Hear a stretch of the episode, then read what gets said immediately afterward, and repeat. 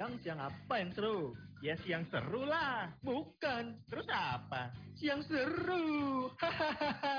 Ya Allah, bantu hamba. Gimana? Mereka berdua gak seru kan ya? Udah, mending dengerin CNS yang seru yang punya banyak seruan untuk kamu nikmati di sore hari menuju senja. Udah siap?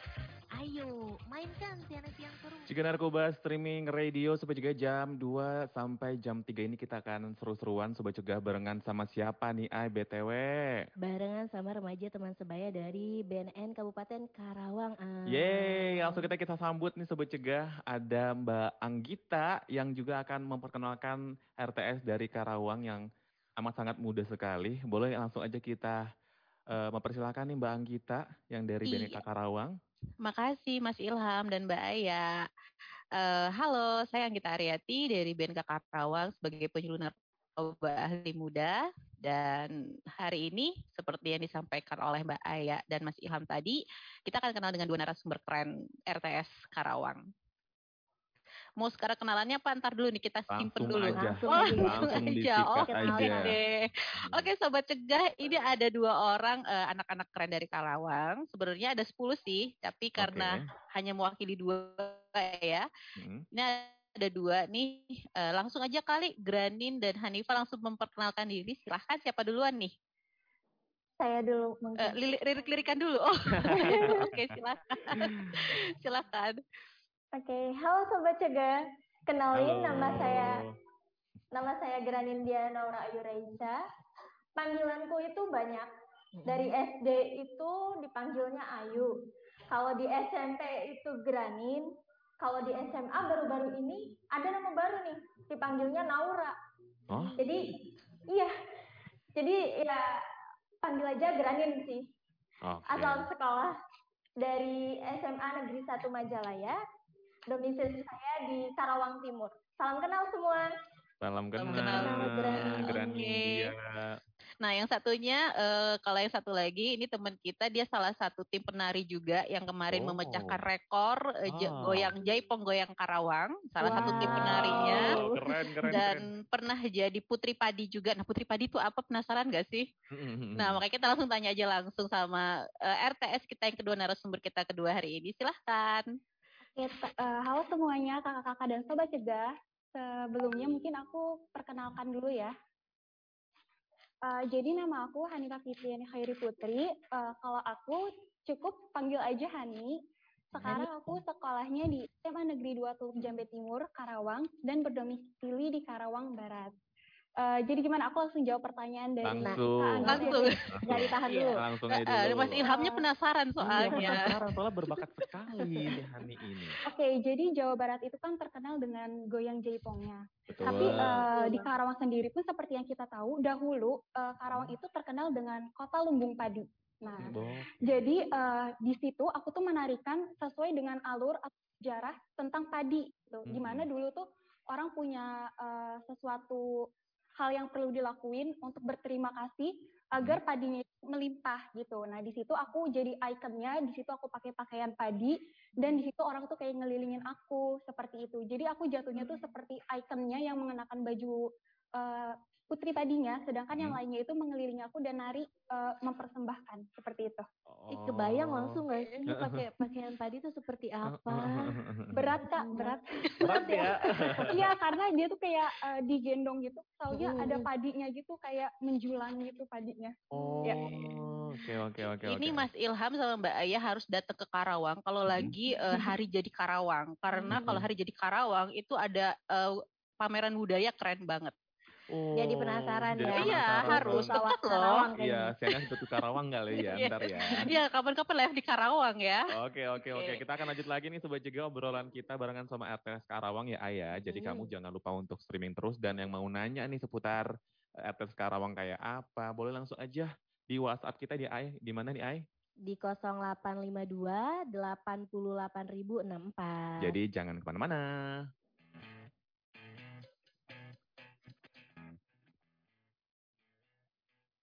You're insecure,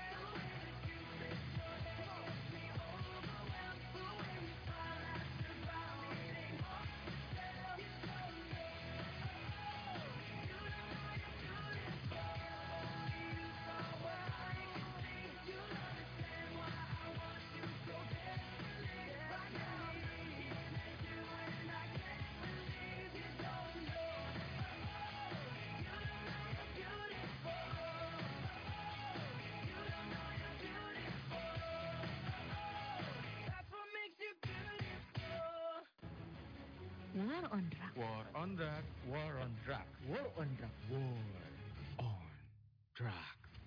Jika Narkoba Streaming Radio War on Drugs. Ah. Ya, kita akan perang melawan narkoba sama juga sama RTS Karawang kali Betul ini. Tadi juga banget. udah di apa disebutin profil-profil dari narasumber kita hari ini Mm-mm. juga sobat juga sama Mbak Anggita ada Granin dan juga ada Hani. Langsung Dan aja kali ya. kita take over ini seluruhnya punya Mbak Anggita. Langsung aja Mbak interview Mainkan. mereka berdua.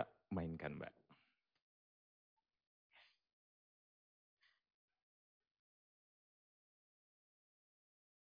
Oke, makasih banyak Mas Ilham dan Mbak Aya. Eh, sebelum kita ngobrol soal RTS nih Sobat Cegah, eh, kita kenalan lebih jauh yuk dengan dua narasumber keren kita hari ini. Eh, mau tahu nih, tadi kan kalau Hanifah cerita eh, kalau dia salah satu tim penari dan juga aktif di banyak kegiatan ya Hanifah ya.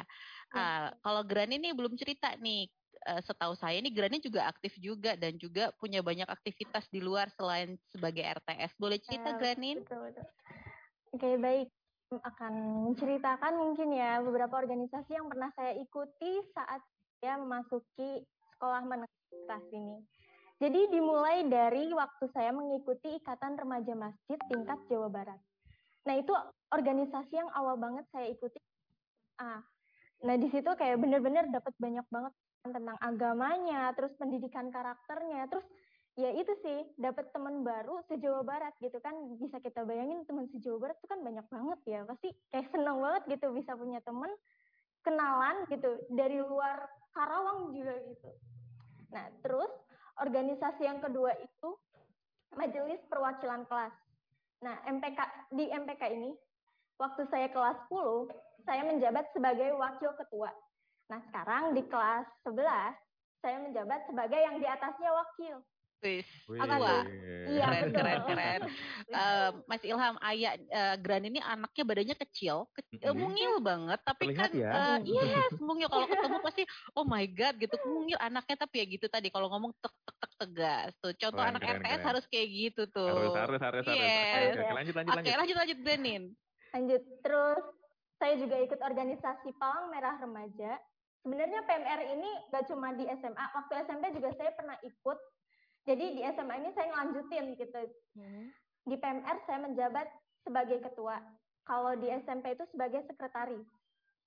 Nah, organisasi berikutnya itu saya ikut Forum Pelajar Sadar Hukum dan Hak Asasi Manusia tingkat kabupaten. Eh, di FPS Saham itu saya menjabat sebagai pengurus bidang pendidikan, pelatihan, dan evaluasi, tapi sekarang merangkap sebagai PLT Sekretaris 2. Oke, kalau Granin ada lagi? Ada satu lagi sih Satu sebenarnya. lagi, oke oke Iya. boleh. Tapi ini udah udah lengser gitu. Udah. Iya, Oke, boleh, boleh, boleh. kemarin Oke, oke, oke. Eh, ada tuh yang namanya Forum Remaja Palang Merah Indonesia. Disingkatnya itu Forpis. Forpis ini fungsinya sebagai jembatan antara PMR sama PMI. Eh, suatu wadah atau organisasi yang bisa em, apa ya menjembatani pendapat-pendapat dari anggota PMR di sekolah seluruh Kabupaten Karawang ke pihak PMI Kabupaten Karawang. Nah, nantinya Oke. kita bikin kegiatan kayak gitu. Keren, keren, banget Granin. keren. Oke, eh, pindah ke Hanifa ya. Kalau Hanifa sendiri sebagai selain aktif di sebagai ekskulnari, apalagi apa aja kegiatannya Hanifa nih boleh cerita? Oke, jadi aku ceritain dulu dari jenjangnya tingkat kelas. Kalau di kelas, aku ini jadi bendahara kelas. Alhamdulillahnya dipercaya, tapi juga lumayan lagi ripuh-ripuhnya karena seperti yang kita tahu, eh, aku kan kelas 12 nih. Kelas 12 itu seperti yang kita tahu itu ada namanya buku tahunan sekolah. Nah, jadi kelas ini eh, uangnya pada disimpenin ke aku dan lumayan juga ya, kayak gitu.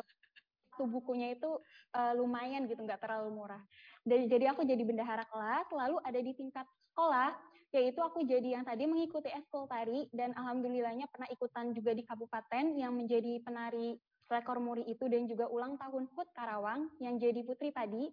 Lalu selanjutnya aku juga mengikuti Forum Pelajar Sadar Hukum dan Hak Asasi Manusia di tingkat sekolah. Dan juga selain di tingkat sekolah aku juga ikut di Kabupaten Karawang yaitu sebagai bidang eh, organisasi dan hukum dan organisasi. Oke, terima kasih. Jadi sekedar informasi aja nih Sobat Cegah dan juga Mas Ilham dan Mbak Aya, mereka berdua ini adalah Duta Hukum dan HAM. Aduh. Oke. Agak gitar ya. Uh, ngeri ya. SMA, apa SMP, SMA. SMA ya. SMA ya. Dan mereka pun juga udah tertarik sama hukum, terus sama organisasi-organisasi Iya. yang sebenarnya kalau di zamannya Ilham itu kalau Berat banget. berat banget dan Mm-mm. biasanya masuk kuliah tuh baru tertarik sama organisasi. Ini mereka ternyata udah tertarik akan hal-hal yang sebenarnya eh, juga harus bisa dipahamin juga anak-anak muda sekarang ya. Aktif Mm-mm, banget. aktif banget. Boleh dilanjut kali ya. Boleh dilanjut. Mm-mm.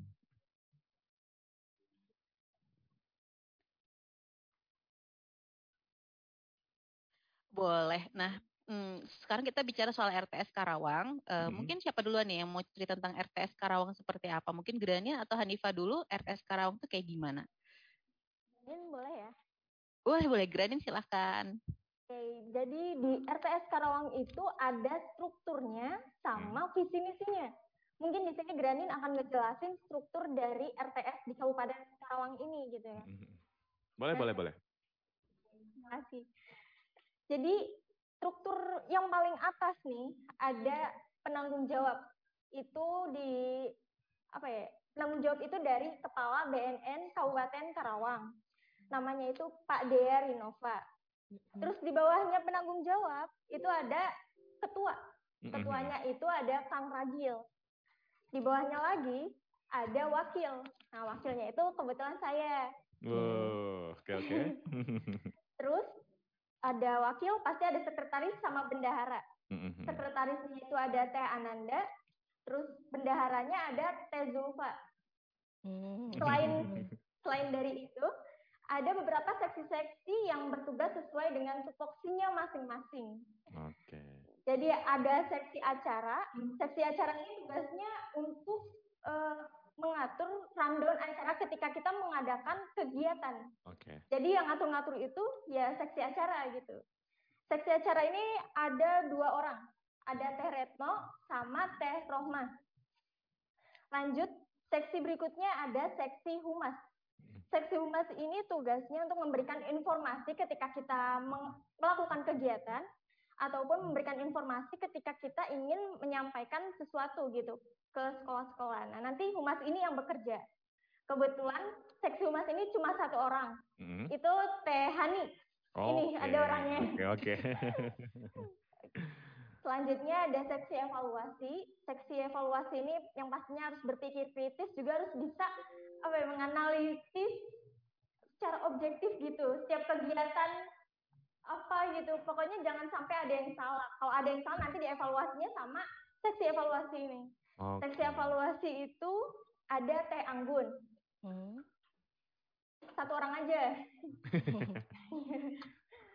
Dan terakhir ada seksi pendataan dan informasi. Ini fungsinya atau tugasnya gitu ya. Hmm. Tugasnya itu mendata atau mencatat informasi terbaru mengenai bahaya narkoba yang nantinya ini akan kita masukkan ke program kita yaitu edukasi. Baik itu edukasi secara langsung ataupun melalui media sosial. Nah, pada seksi pendataan dan informasi ini ada dua orang. Ada Teh Firda sama Teh Rafanisa. Ya. Oke, jadi gitu. Jadi semua orang di RTS Karawang tuh punya tugas dan jobnya masing-masing gitu. Nah kalau untuk visi misinya mungkin eh, Hanifah bisa menjelaskan sedikit nih ke Sobat Cegah. Oke, tadi eh, Teh Granin udah menjelaskan mengenai struktur dari RTS Karawang. Sekarang aku menjelaskan tentang visi misi. Ini mungkin aku sambil baca sedikit ya kak, karena dia- tidak ada yang terlewat. Oke. Oke, siap Di siap. sini eh, visi Iya. kita adalah membentuk karakter remaja teman sebaya yang berkualitas dan berpegang teguh pada iman, takwa, tanpa narkoba. Lalu misi kita adalah yang pertama, mengayomi remaja untuk tidak menyalahgunakan narkoba. Yang kedua, mensosialisasikan bahaya kepada para remaja. Yang ketiga, mengaplikasikan hal-hal baik guna menghindari penyalahgunaan narkoba di karangan remaja. Lalu yang keempat adalah menjadi role model bagi remaja anti narkoba di Kabupaten Karawang. Seperti itu. Oke, Untuk gimana visi-misi kita. Keren, keren. Jadi anak-anak ini sudah punya struktur dan punya visi misi serta punya program. Tapi kalau bicara program kayaknya eh apa ntar aja ya kita simpen buat pertanyaan Ntar selanjutnya aja, ya. nanti Iya. aja, nanti aja. Oke. Ini kita di, di spillnya itu udah kayak keren banget ya, apalagi udah terbentuk struktur, Mhm, kayak mhm. udah ada rencana ke masa depannya Betul, atau betul. programnya seperti apa. Ini mhm. bakal seru banget nih ya. Betul. Kita akan lanjut lagi ya Mbak Gita, terus juga Granit Oke. dan juga Hani. Jadi kamu Sobat Cegah yang mau nanya, jangan lupa juga kita masih on WA Sobat Cegah atau WhatsApp di 0852 88 64.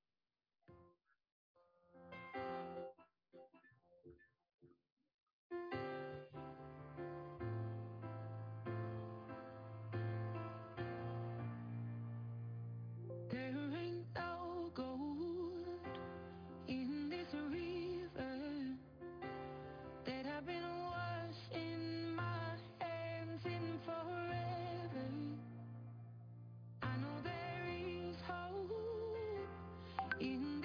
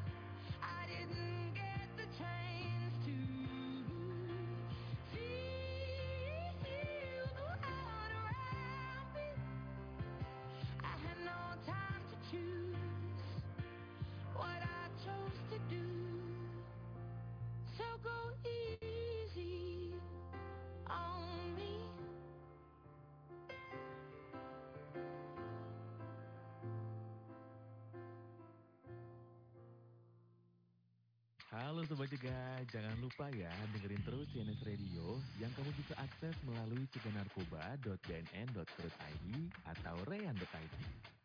Dan kamu bisa download aplikasi CNS Radio di Google Play Store untuk pengenaan Android dan TuneIn Radio untuk pengguna iOS. Caranya cari keywordnya CNS Radio. Yuk, ajak teman-teman kamu untuk download aplikasinya dan dengarkan terus CNS Radio. Jika Narkoba Streaming Radio, bener banget Sobat Jaga. Jadi kamu yang mau streaming kita, CNS Radio dan juga RTS Karawang, Sobat Jaga bisa langsung download aplikasinya di streaming Sobat Jaga atau mungkin mau lihat wajah-wajah kita yang cakep dan ganteng Sobat Jaga, Sobat Jaga, langsung aja ke YouTube-nya Cegah Narkoba. Dan Betul langsung kita take over lagi Hmm. nih Sobat Cegah. Barengan sama RTS Karawang langsung aja Mbak kita tanya-tanya sama dua cewek yang keren-keren ini. Oke deh. Eh, tapi sebelum bicara soal program seperti yang saya omongin di sesi sebelumnya, saya Hmm. betul. tuh sebenarnya ada satu yang penasaran sih sama anak dua ini. Hmm, Sebenarnya hmm. motivasi mereka waktu gabung di RTS tuh apa sih? Karena jujur aja kita kan eh, nge-share tuh siapa yang mau bergabung gitu kan. Kok mereka mau apa dipaksa gitu kan di bawah ancaman gitu kan. Kita tanya aja dulu ya langsung sama Hani mungkin. Hanifah dulu mungkin bisa jawab. Eh, baik Ibu, Eh, baik kakak-kakak semua dan sobat cegah. eh, pertama-tama motivasiku sendiri itu yang pertama adalah berawal dari rasa kekhawatiranku sendiri terhadap pelajar yang menyalahgunakan narkoba. Karena seperti yang kita tahu ya, eh, penyalahgunaan narkoba itu dapat berdampak pada berbagai segi, ada segi fisik, psikologi, dan juga segi eh, sosial kita. Nah, maka dari itu, kalau misalkan eh, pelajar terkena, eh, maka kita pikir siapa nih yang akan menjadi generasi muda yang unggul untuk memajukan bangsa ini.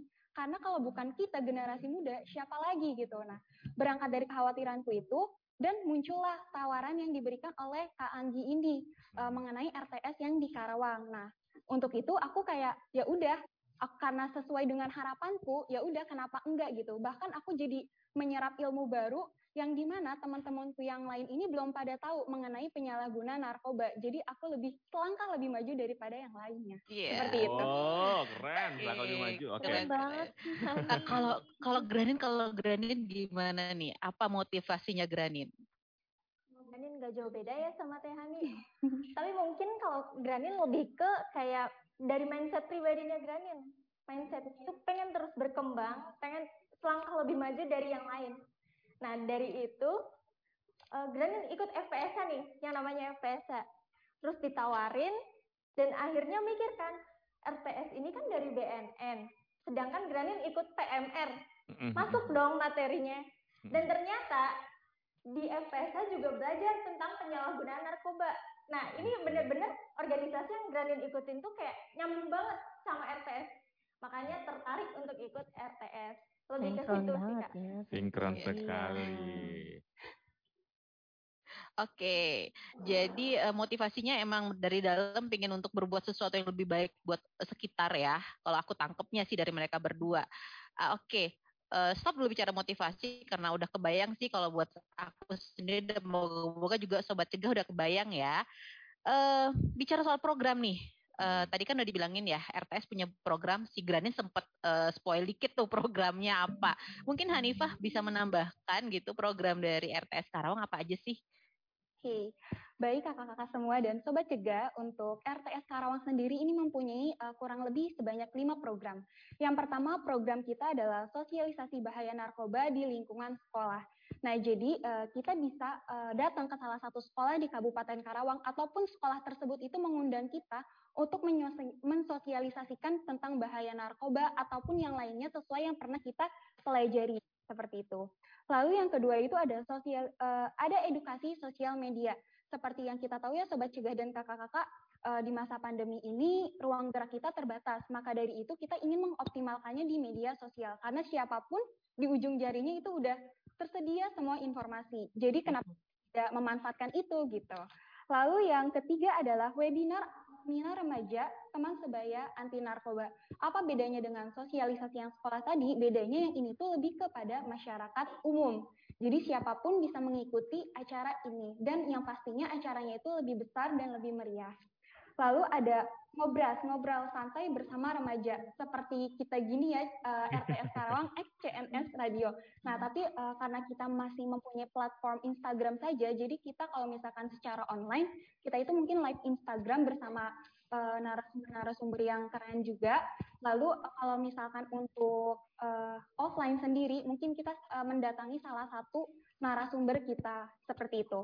Dan yang terakhir adalah teman ceritaku. Nah, jadi ini yang lumayan eh, salah satu yang wow karena di sini teman ceritaku seperti yang kita tahu juga eh, kalau misalkan anak muda zaman sekarang itu kreativitasnya sangat tinggi di mana kita itu lebih suka untuk mengeluarkan pendapat daripada menerima gitu.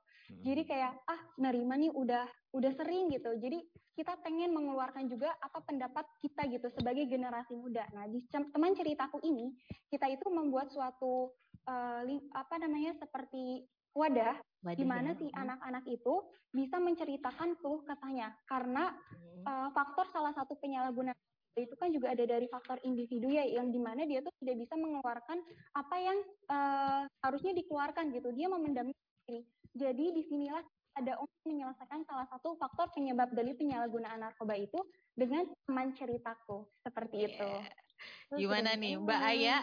Penasaran ada yang mau ditanyain? Mbak Aya kayaknya penasaran ya ada yang mau Ya, ditanyain. Boleh, yang boleh. Untuk program yang eh, teman ceritaku Terakhir ya, yang ya terakhir. benar karena memang banyak banget yang tadi Hani juga bilang udah dijelasin banget ya kalau misalnya sekarang itu memang semua orang tuh kayak pengen mengeluarkan pendapatnya ya kan dan Ya. ngomongin soal teman ceritaku ini udah ada yang bercerita belum Nah, sih betul, Hani? betul, betul. Ada berapa yang udah ada yang masuk belum dan gimana menanggapinya sendiri kayak Hani maupun eh, Grenin ya Mm-mm. ketika ada teman yang bercerita seperti itu sedangkan apalagi nih kalau misalnya Hani sama Grenin kan masih remaja ya Am Mm. mungkin punya permasalahan yang lebih banyak lagi, punya mood yang lagi nggak baik, tiba-tiba ada teman cerita yang tersebut memberikan cerita apa nih yang biasanya Dilakukan Hani ya. eh, sama Granny lakuin ketika situasinya sendiri lagi gua aja yang kayak kurang baik lu pakai cerita segar kayak gitu Gim- gimana menyikapinya nih Iya, iya, iya.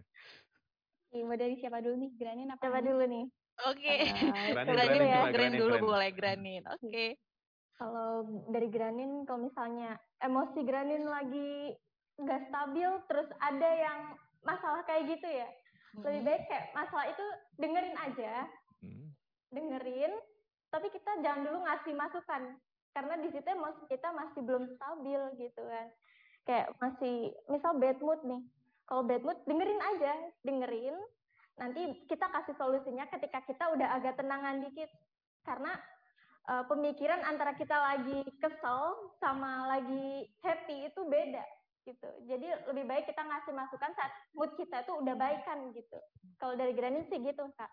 Hmm, keren Oke. banget ya pemikirannya sampai ke sana. Oke, kalau Oke, Hanin, kalau Hanin. keren, Kalau keren. Hani, kalau kalau Hani. Hani, Eh, penasaran jujur nih. kakak-kakak semua, Hmm. aku tuh adalah pribadi yang suka mendengarkan cerita orang. Hmm, jika aku tuh menjadi pribadi yang dapat bermanfaat bagi orang lain. hmm, Jadi aku sering mendengarkan kalau mereka butuh cerita, aku terima. Tapi aku Hmm. bilang gini, eh, kalau misalkan aku tidak pernah ada di posisi yang dia hadapkan sekarang, aku bilang mungkin aku nggak bisa ngasih saran, tapi aku akan mendengarkan. Semoga itu cukup. Nah, kalau aku lebih seperti itu. Tapi kalau misalkan aku bisa mencari eh, mencari saran untuk dia, karena aku juga pernah mengalaminya, kenapa enggak untuk aku kasih saran ke dia? Jadi karena eh, sebenarnya orang itu juga hanya butuh sebenarnya cerita eh, orang yang mendengarkan saja gitu. Untuk solusinya itu ada orang yang pengen nerima, ada juga yang enggak. Jadi sebenarnya mereka hanya butuh didengar seperti itu. Betul. Aduh, gue tuh kayak, kayak ngerasa karena di masa-masa seusia Hanin sama eh, apa Hanin sama Grenin Iya, ini, heeh. mungkin Ayah tuh masih yang kayak ada orang cerita langsung kayak ya udah sih Ih. masih kayak gitu nggak nggak sampai ke. Hmm. ke, ke pemikiran si Granin tuh yang bilang "Eh, nanti dulu deh kayak posisi gue lagi nggak enak nih moodnya nanti Hmm. ditahan dulu itu keren banget Keren banget. Nah, tapi sih. masih mau nanya lagi nih ya. Kan tadi eh, apa Hani dan juga Granin itu eh, lebih suka mendengar. Nah, terus eh, yang mendengarkan Hani dan Granin itu siapa sih? Orang tua kah? Atau Waduh. temannya? Atau Mbak Anggita? Gitu kan biasanya gitu ya. Biasanya "Ah, kamu sih dengan mendengarkan tapi lupa untuk bercerita. Nah, gitu gimana? Oke, Hani dulu. Hmm, boleh, boleh. Ya, boleh. boleh. Eh, kalau Hani sendiri, kalau untuk hal-hal yang tidak bisa Hani ceritakan, eh, mungkin pertama Hani itu hanya butuh pelukan dari papa doang sih sebenarnya. Oh, Iya pasti kadang-kadang sekali. Hani eh, kalau papa pulang kerja, Hani Hmm. peluk aja tanpa Hani ngomong karena Mm-mm. kayak itu udah cukup. Jadi Hani menyalurkan rasa sedih Hani itu hanya dengan pelukan gitu. Tapi kadang papa nanya "E, kenapa gitu. Tapi ya udah Hani nggak apa-apa, Hani sendiri aja. Tapi dengan seperti itu Hani tetap ngerasa itu udah dikeluarkan gitu. Kalau untuk Dapat Hani, energi ya. Iya benar-benar banget karena kasih sayang orang tua itu juga alhamdulillah untuk Hani cukup. Lalu untuk eh, kalau misalkan pun masih belum cukup, Hani pasti cerita ke Allah sih, ke Tuhan ya Hmm. Allah Subhanahu Wa Taala. Hmm. Mungkin untuk Hani itu. Coba kalau Oke, Granin. Granin, Granin. Kalau Granin, kalau cerita-cerita kayak gitu sih lebih ke sahabat yang dipercaya sih. Kalau misalnya ke Allah, iya.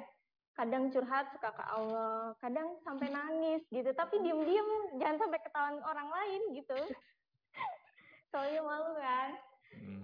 Tapi kalau misalnya untuk yang kayak cerita ke orang tua itu masih benar-benar belum bisa juga sih. Hmm, hmm, Kayak masih malu. Tapi ad- kadang ada gitu beberapa momen yang kayak nggak perlu Granin jelasin, tapi orang tua Granin ngerti hmm, gitu. paham. Jadi. Iya, jadi lebih kayak lebih tenang ketika dinasehatin sama orang tua. Tapi kadang kesel juga sih nasehatinnya. Oke, oke, oke. Nah, Oke, sekarang aku- Ayah, aku mau menarik nanya. kan ya? menarik, menarik banget. Ayah Dan pikir Granin atau Hani tuh bakal jawab ya ceritanya ke Mbak Anggita aja. Malam-malam.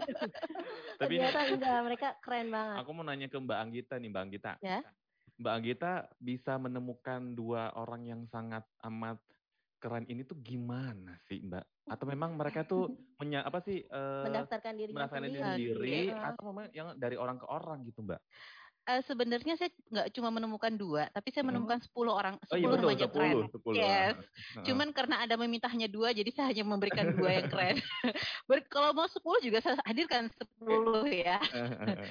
Oke, jadi ceritanya mereka berdua ini adalah anak FPSH, Forum Pemuda Sadar Hukum, Mhm. eh, yang memang aktif di organisasi tersebut dan BNNK Karawang sudah bekerja sama dengan forum itu sudah dari dua tahun yang lalu. Sehingga saat ada program RTS, eh, kemudian kebijakan dari pimpinan adalah oke kita re- eh, anak-anak FPSH. Jadi saya menghubungi ketuanya FPSH, saya minta disiapkan 10 anak yang mereka eh, yakini bisa mengikuti program ini dengan baik. Saya jelaskan tentang program RTS, terus mereka memilihlah 10 orang yang dianggap mumpuni istilahnya gitu ya untuk mengikuti program ini. Karena saya bilang ini program bukan hanya sekedar sosialisasi penyampaian materi, karena 10 orang ini harus bisa melakukan hal berbeda untuk lingkungan mereka setelah mendapatkan pelatihan dari BNNK Karawang. Jadi anak-anak 10 inilah.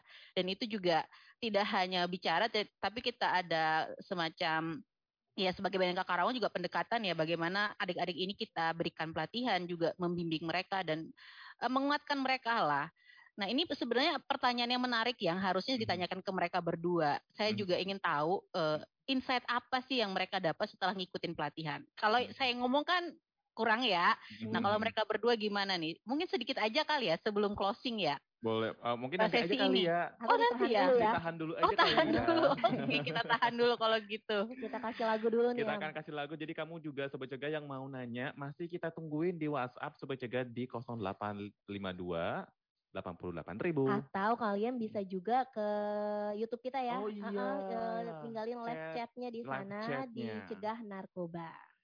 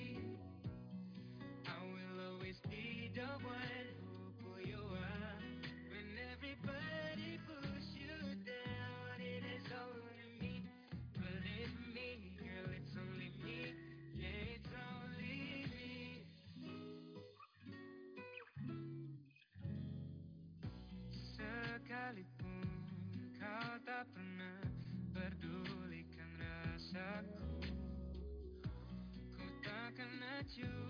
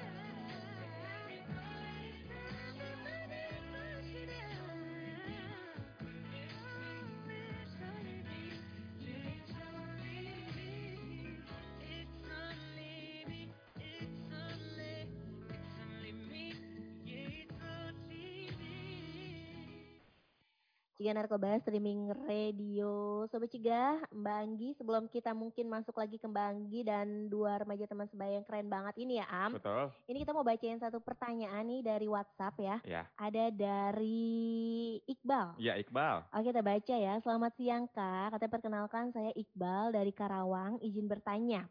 Eh, lingkungan seperti apa yang harus kita miliki sebagai remaja? Katanya seperti itu. Terima kasih. Terima kasih banyak Kak. Mungkin ini Oke. Mbak Anggi yang bisa jawab ya. Eh, eh, eh, Atau Atau si Dua RTS ini. Grenin dan Hani. boleh. Oke, eh, saya yakin Granit sama Hani sudah diberikan pelatihan yang oke banget dan mereka bisa menjawab dengan baik. Kalau ada eh, kurang-kurang dikit ntar saya tambahin. Oke, siapa nih yang mau jawab Siap. Hani apa Granin? Oke, Oke, silakan. jadi eh, menjaga lingkungan yang baik ya. Eh, jadi seperti kayak lingkungan yang baik itu adalah lingkungan yang tidak eh, membuat kita terjerumus ke dalam hal-hal yang negatif pastinya. Tapi Hmm. untuk itu kita tahu dulu lingkungan kita itu seperti apa. Nah, kalau misalkan kita tahu lingkungan kita tidak baik dan kita merasa bahwa kita tidak bisa merubah lingkungan itu menjadi lebih baik inginkan dan kita tahu nih, tahu posisi, ih sepertinya kita tidak akan eh, betah ada di situ dan tidak akan cocok. Yang ada nanti saya kalah gitu. Nah, lebih baik kita itu keluar dari siklus itu, dari eh, lingkungan tersebut karena daripada Oke, Hanifah. Ini jaringannya tampaknya ya. Iya kayaknya ya. Iya. Boleh dilanjut Sama Granin. Granin Iya, mungkin ya. Ini Ah, Granin mungkin bisa melanjutkan. Granin, silahkan. Ya, jadi tadi yang dibilang sama Tehan itu benar banget. Hmm. Kita harus tahu dulu nih lingkungan di sekitar kita itu kayak gimana. Nah, kalau misalnya apa ya? Kalau dari Granin nih, ya, jawaban dari Granin aja Oke. cara lingkungan apa ya? Maksudnya pertanyaannya tadi lingkungan yang harus dimiliki Iya. Iya, remaja. dimiliki. Heeh, betul. lingkungan yang baik yang pastinya selalu mensupport eh, kita gitu. Karena kalau kita nggak disupport sama lingkungan sekitar, maka yang ada kayak kita berasa nggak ada temennya gitu, kayak dikucilkan kan. Terus yang kedua, lingkungan yang harus dimiliki seorang remaja itu lingkungan yang Oke. lingkungan yang apa ya?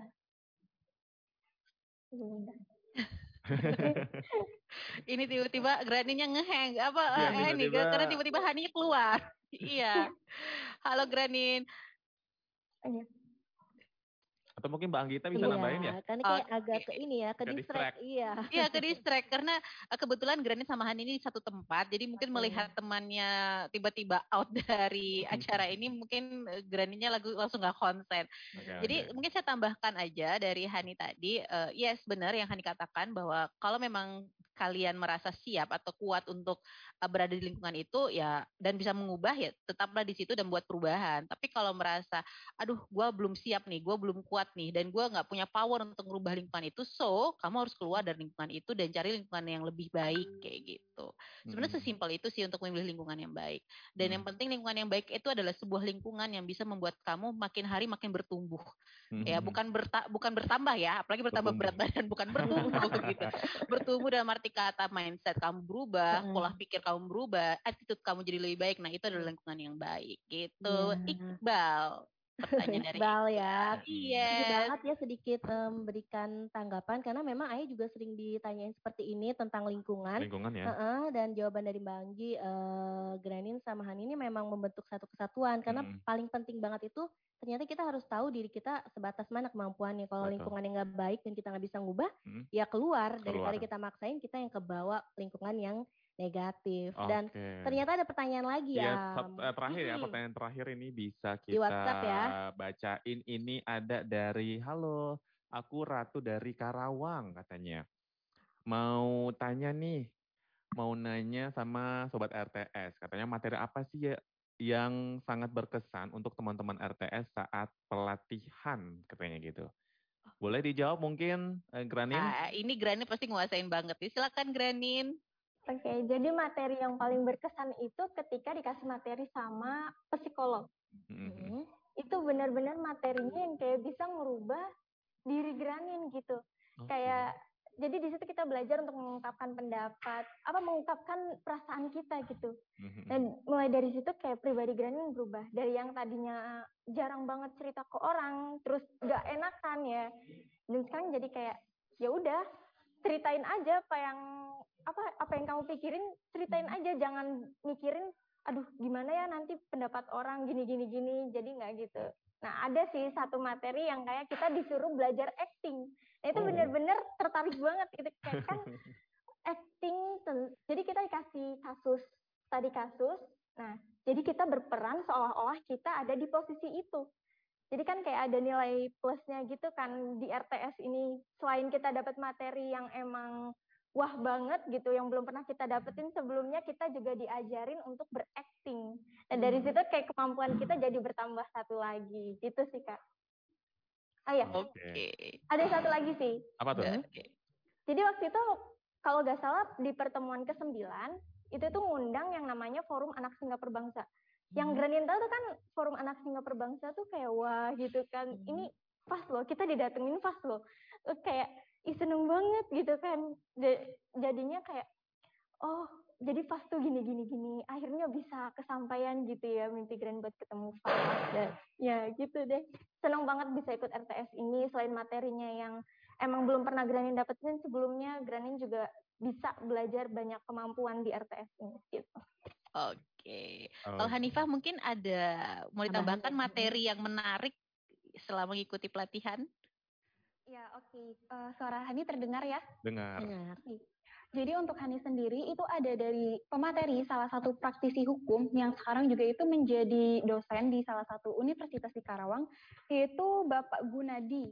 Nah, waktu itu eh, beliau itu menjelaskan mengenai hukum-hukum yang menjerat penyalahguna narkoba dan pengkonsumsi narkoba juga dan salah satu pengedarnya. Nah, di situ ju- juga Hani jadi bisa tahu, wah eh, ternyata tuh orang yang menyalahgunai narkoba itu ada hukumannya loh, kalau minimal Mhm. tuh empat tahun. Terus juga bagaimana proses pemulihan dari si eh, pencandu narkoba itu itu seperti apa? Ada tahap rehabilitasinya itu seperti itu juga, seperti apa? Seperti itu juga. Lalu juga ada tentang UU narkotikanya juga itu dijelaskan eh, jelas dengan Pak Gunadi tersebut. Mungkin untuk Hani itu sih. Oke, Oke, oke. gimana itu? Udah semoga menjawab pertanyaan dari Semoga Ratu ya, tadi ya. Dari Ratu Heeh. di Karawang ya. Yes. Kita balik lagi ke Mbak Anggi nih. Boleh, Dengan silakan. pertanyaan terakhir ya, Am? Iya, iya. Oh ini Belum pertanyaan terakhir closing. ini udah ini udah mau closing ya? Iya. Iya. Oke sip. Kalau gitu satu satu yang mau saya tanyakan ini eh, terkait dengan kondisi kita di Karawang ini sebenarnya pertanyaan untuk Grani dan Hani yang mungkin bisa memberi pemandangan berbeda atau sudut pandang berbeda buat para sobat cegah. Ini kan banyak kasus-kasus tawuran yang di eh, apa ya kasus-kasus tawuran yang disebabkan oleh penyalahgunaan obat-obatan terlarang nih khususnya Mhm. untuk wilayah Karawang karena memang Karawang itu tingkat penyalahgunaan obat-obat terlarangnya sangat tinggi dan itu mencetus eh, terjadinya tawuran di masa di remaja.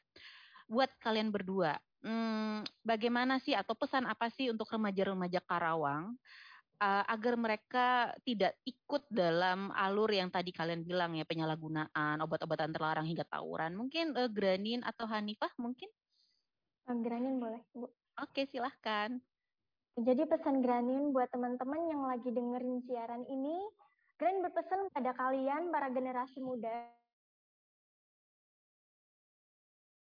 keadaan sekitar. Mhm. Mulailah dari diri kita sendiri. Karena kalau bukan dari kita, siapa lagi?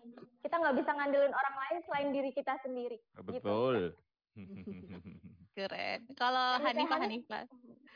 Kalau untuk aku sendiri, eh, buatlah lingkungan pertemanan yang baik. Eh, teman yang baik itu banyak kok. Gak harus kita menjadi keren dulu untuk ikutan kelompok ini atau ikutan kelompok itu. Jadilah diri kamu sendiri. Just be yourself gitu. Dan orang lain pun akan mengikuti jika kamu itu jujur terhadap diri kamu sendiri dulu terlebih dahulu, Hmm. sehingga kamu bisa menebarkan kebaikan-kebaikan itu untuk orang yang lainnya. Seperti itu sih. Jadi, jadi jagalah lingkungan, tetap dalam pendirian dan prinsip yang kamu miliki. Jangan sampai terikut-ikut lagi ke dalam hal yang lebih buruk daripada sebelumnya. Seperti itu. Apa Am? jadi jadi bengong nih Mas Mas Ila sama Mbak Aya apa ya. Gimana? speechless gitu loh, wow keren banget. Tapi tapi nih eh, mau nanya nih ya, kan tadi kan udah ngomongin soal be yourself, terus juga Lingkungan. lingkungan. Nah, mungkin eh, eh, Granin sama Hani itu punya tips ya, gimana sih nge-build rasa keberanian.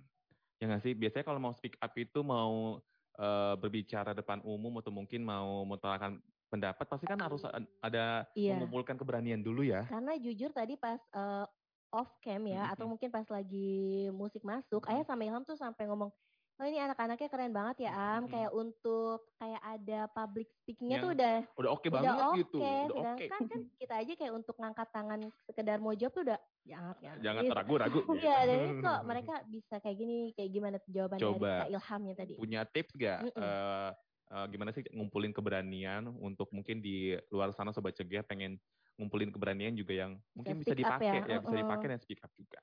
Oke, Hani dulu boleh? Boleh. Boleh. Oke, jadi pertama-tama itu Hani mengenali dulu diri Hani itu seperti apa, apa sih Mhm. kekurangan Hani, dan apa kelebihan yang Hani miliki. Dah, dari kelebihan itu kita itu harus bisa mengembangkannya.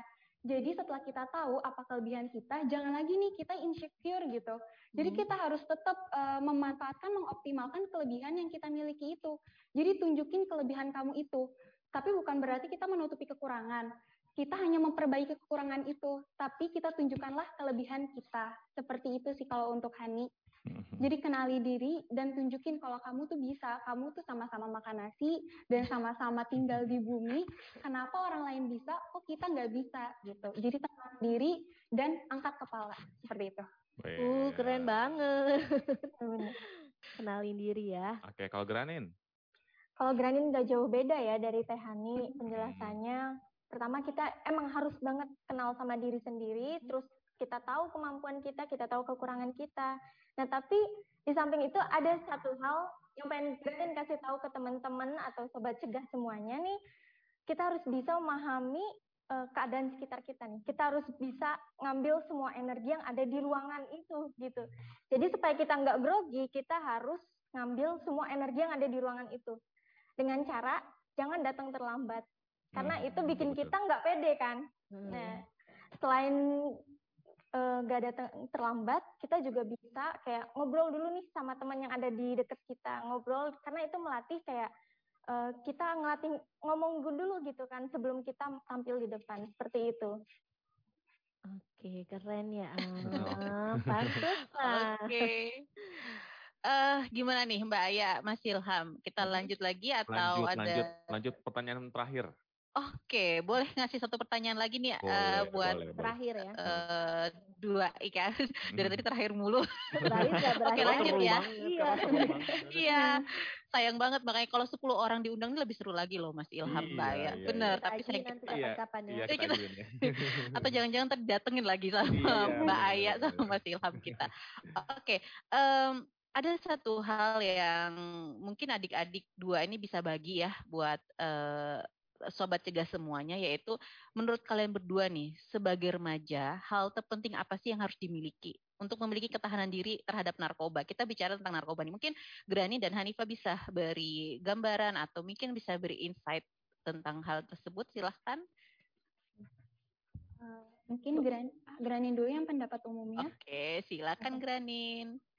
eh, hal terpenting yang harus kita miliki yaitu kemampuan untuk mengenali diri sendiri. Karena dari kita mengenal diri sendiri itu ada banyak manfaatnya loh. Per- Pertama nih, kita jadi lebih tahu tentang kita, tentang kemampuan, kelebihan, dan kekurangan kita. Dari situ kita tahu apa kelebihan kita, apa kita, kelebihannya bisa kita kembangin, kekurangannya bisa kita kurangin gitu kan. Nah, yang kedua, manfaat yang kedua nih dari sela- selain dari yang bisa mengenali kelebihan dan kekurangan, kita juga bisa memecahkan masalah yang kita hadapi. Nah, dari kita mengenal diri kita, kita bisa memecahkan masalah yang kita hadapi. Jadi kita nggak akan tuh menyalahgunakan narkoba untuk memecahkan masalah yang kita hadapi. Karena kalau kita udah kenal diri sendiri, kita kan kayak lebih mencintai diri sendiri kan ya. Self loving gitu kalau bahasa sekarangnya. Terus juga kita punya tujuan hidup. Jadi kita mikir kalau nyalahgunain narkoba itu kayaknya bakal ngerusak hidup kita deh. Tujuan kita nggak bakal tercapai deh. Jadi kayak gitu. Nah kalau misalnya Sobat Cegah mau tahu nih cara mengenali diri sendiri bisa banget loh. Kunjungi blog yang Granin buat. Oh. Boleh, boleh, boleh. Klik aja di website ataupun di Chrome-nya. blogspot.com. Nah, di situ ada yang namanya Know Yourself. Nah, di situ ada cara mengenali diri sendiri. Ditunggu ya komentar Iya. positifnya. Ya, oke. Eh, Granin ini sukanya nulis. Granin suka Oh, nulis. sama kayak Ayah. eh, suka ya. Sama dong. Saya mau ngeluarin buku BTW. Oh, ini promo juga ya. Iya. Oke, eh, sekarang lanjut ke Hanifah ya. Oke, silakan Eh, Hani. Kalau untuk Hani sendiri, mungkin ketahanan diri secara eh, kita pribadi yang berjuang untuk eh, memiliki ketahanan diri itu sebenarnya kita diajarkan juga di 10 pelatihan ini yaitu ada assertive, reaching out dan self regulation. Hmm. Di mana reaching out itu eh, kita itu dapat eh, berbaur dengan orang, tapi dengan cara yang baik itu seperti apa sehingga kita tidak salah pergaulan seperti yang menjadi faktor penyalahguna narkoba tadi. Nah, reaching out itu mencari pertemanan yang baik itu seperti apa dan bagaimana kita berkomunikasi dengan orang lain. Lalu ada self regulation, di mana kita itu mengenali diri seperti yang tadi Granin bilang dan juga mengenali emosi kita. Jadi jangan sampai emosi kita nih kalau misalkan lagi membludak itu menyakiti orang lain. Jadi kita harus bisa meregulasikan emosi-emosi itu supaya tidak berdampak negatif pada orang lain. Jadi kita harus bisa menyalurkannya itu dengan hal-hal yang positif. Lalu yang terakhir adalah assertiveness. Assertiveness, di mana kita itu bisa eh, mengatakan iya ataupun tidak secara lugas apa yang kita inginkan. Jadi jangan sampai kita ini eh, merasa tidak enakan atau terbawa orang lain karena merasa tidak enak tadi. Seperti itu. Jadi kita harus bertetap pendirian pada diri kita dengan assertiveness tadi. Tapi bukan berarti kita ya atau gimana nolaknya. Jadi dengan baik eh, dan sopan seperti itu. Oke, terima kasih Granin dan Hani. Gimana nih Mas Ilham, Mbak Aya? Ini bisa nambah satu jam gak sih spesial untuk Kabupaten Karawang? Karena bahkan dari Hani Boleh, boleh, bisa, boleh. iya, bisa menjelaskan ketahanan diri tiga komponen Tiga tersebut. komponen. Self-regulation, reaching out, Sama assertiveness. Ya ampun, Betul. keren banget sampai Tepuk tangan, speechless tepuk banget tangan. ya. Tapi kita harus berhenti ya, Harus Am. berhenti karena udah jam 3 juga nih. Jadi terima kasih banget nih ya untuk Mbak Anggita. Next harus bareng lagi. Harus Mm-mm. kita ya 2022 nih kita harus Mm. project bareng. Jadi terima kasih ya Mbak Anggita udah nemenin kita juga udah interview barengan sama ada Granin dan juga ada Hani. Yang juga terima kasih nih yang udah menemukan mereka berdua, udah Mm-mm. membimbing mereka berdua jadi eh, apa pribadi yang luar biasa nih yang kita Mm-mm. bisa lihat ya sobat juga ya. Dan jadi penasaran sama delapan anak lainnya. Nah, Mungkin next ya, Am. next ya. Jadi sobat juga terima kasih yang udah nanya-nanya di WhatsApp Mm-mm. juga sobat juga. Kita berdua pamit, tapi kita punya lagu terakhir nih di CNS Radio barengan sama RTS Karawang dan juga ada CNS Radio. Jadi makasih Mbak Anggi. makasih kita bilang makasih makasih dulu ya. Eh, Oke, makasih juga Mas Mbak Aya, Mas Heeh. Ilham dan juga dua adik keren saya. Hmm. Kalian luar biasa banget hari ini dan seperti Hmm, biasa selalu luar biasa. Applause dulu kali ya. Applause ya. Oke deh kita berdua pamit dan juga RTS Karawang pamit and see you bye bye.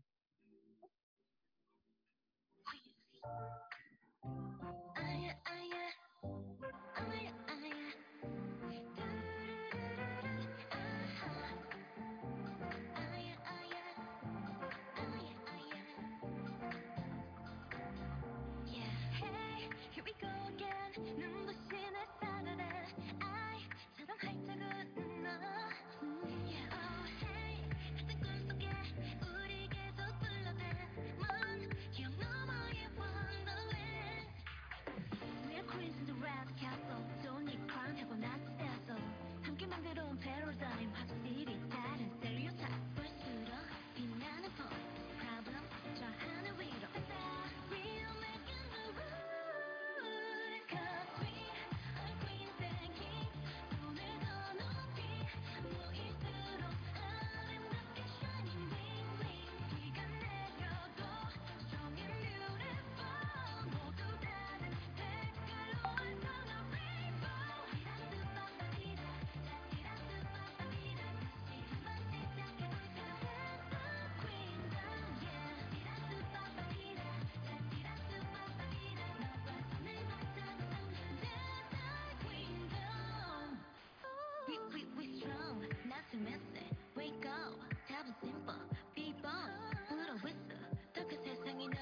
como quiera.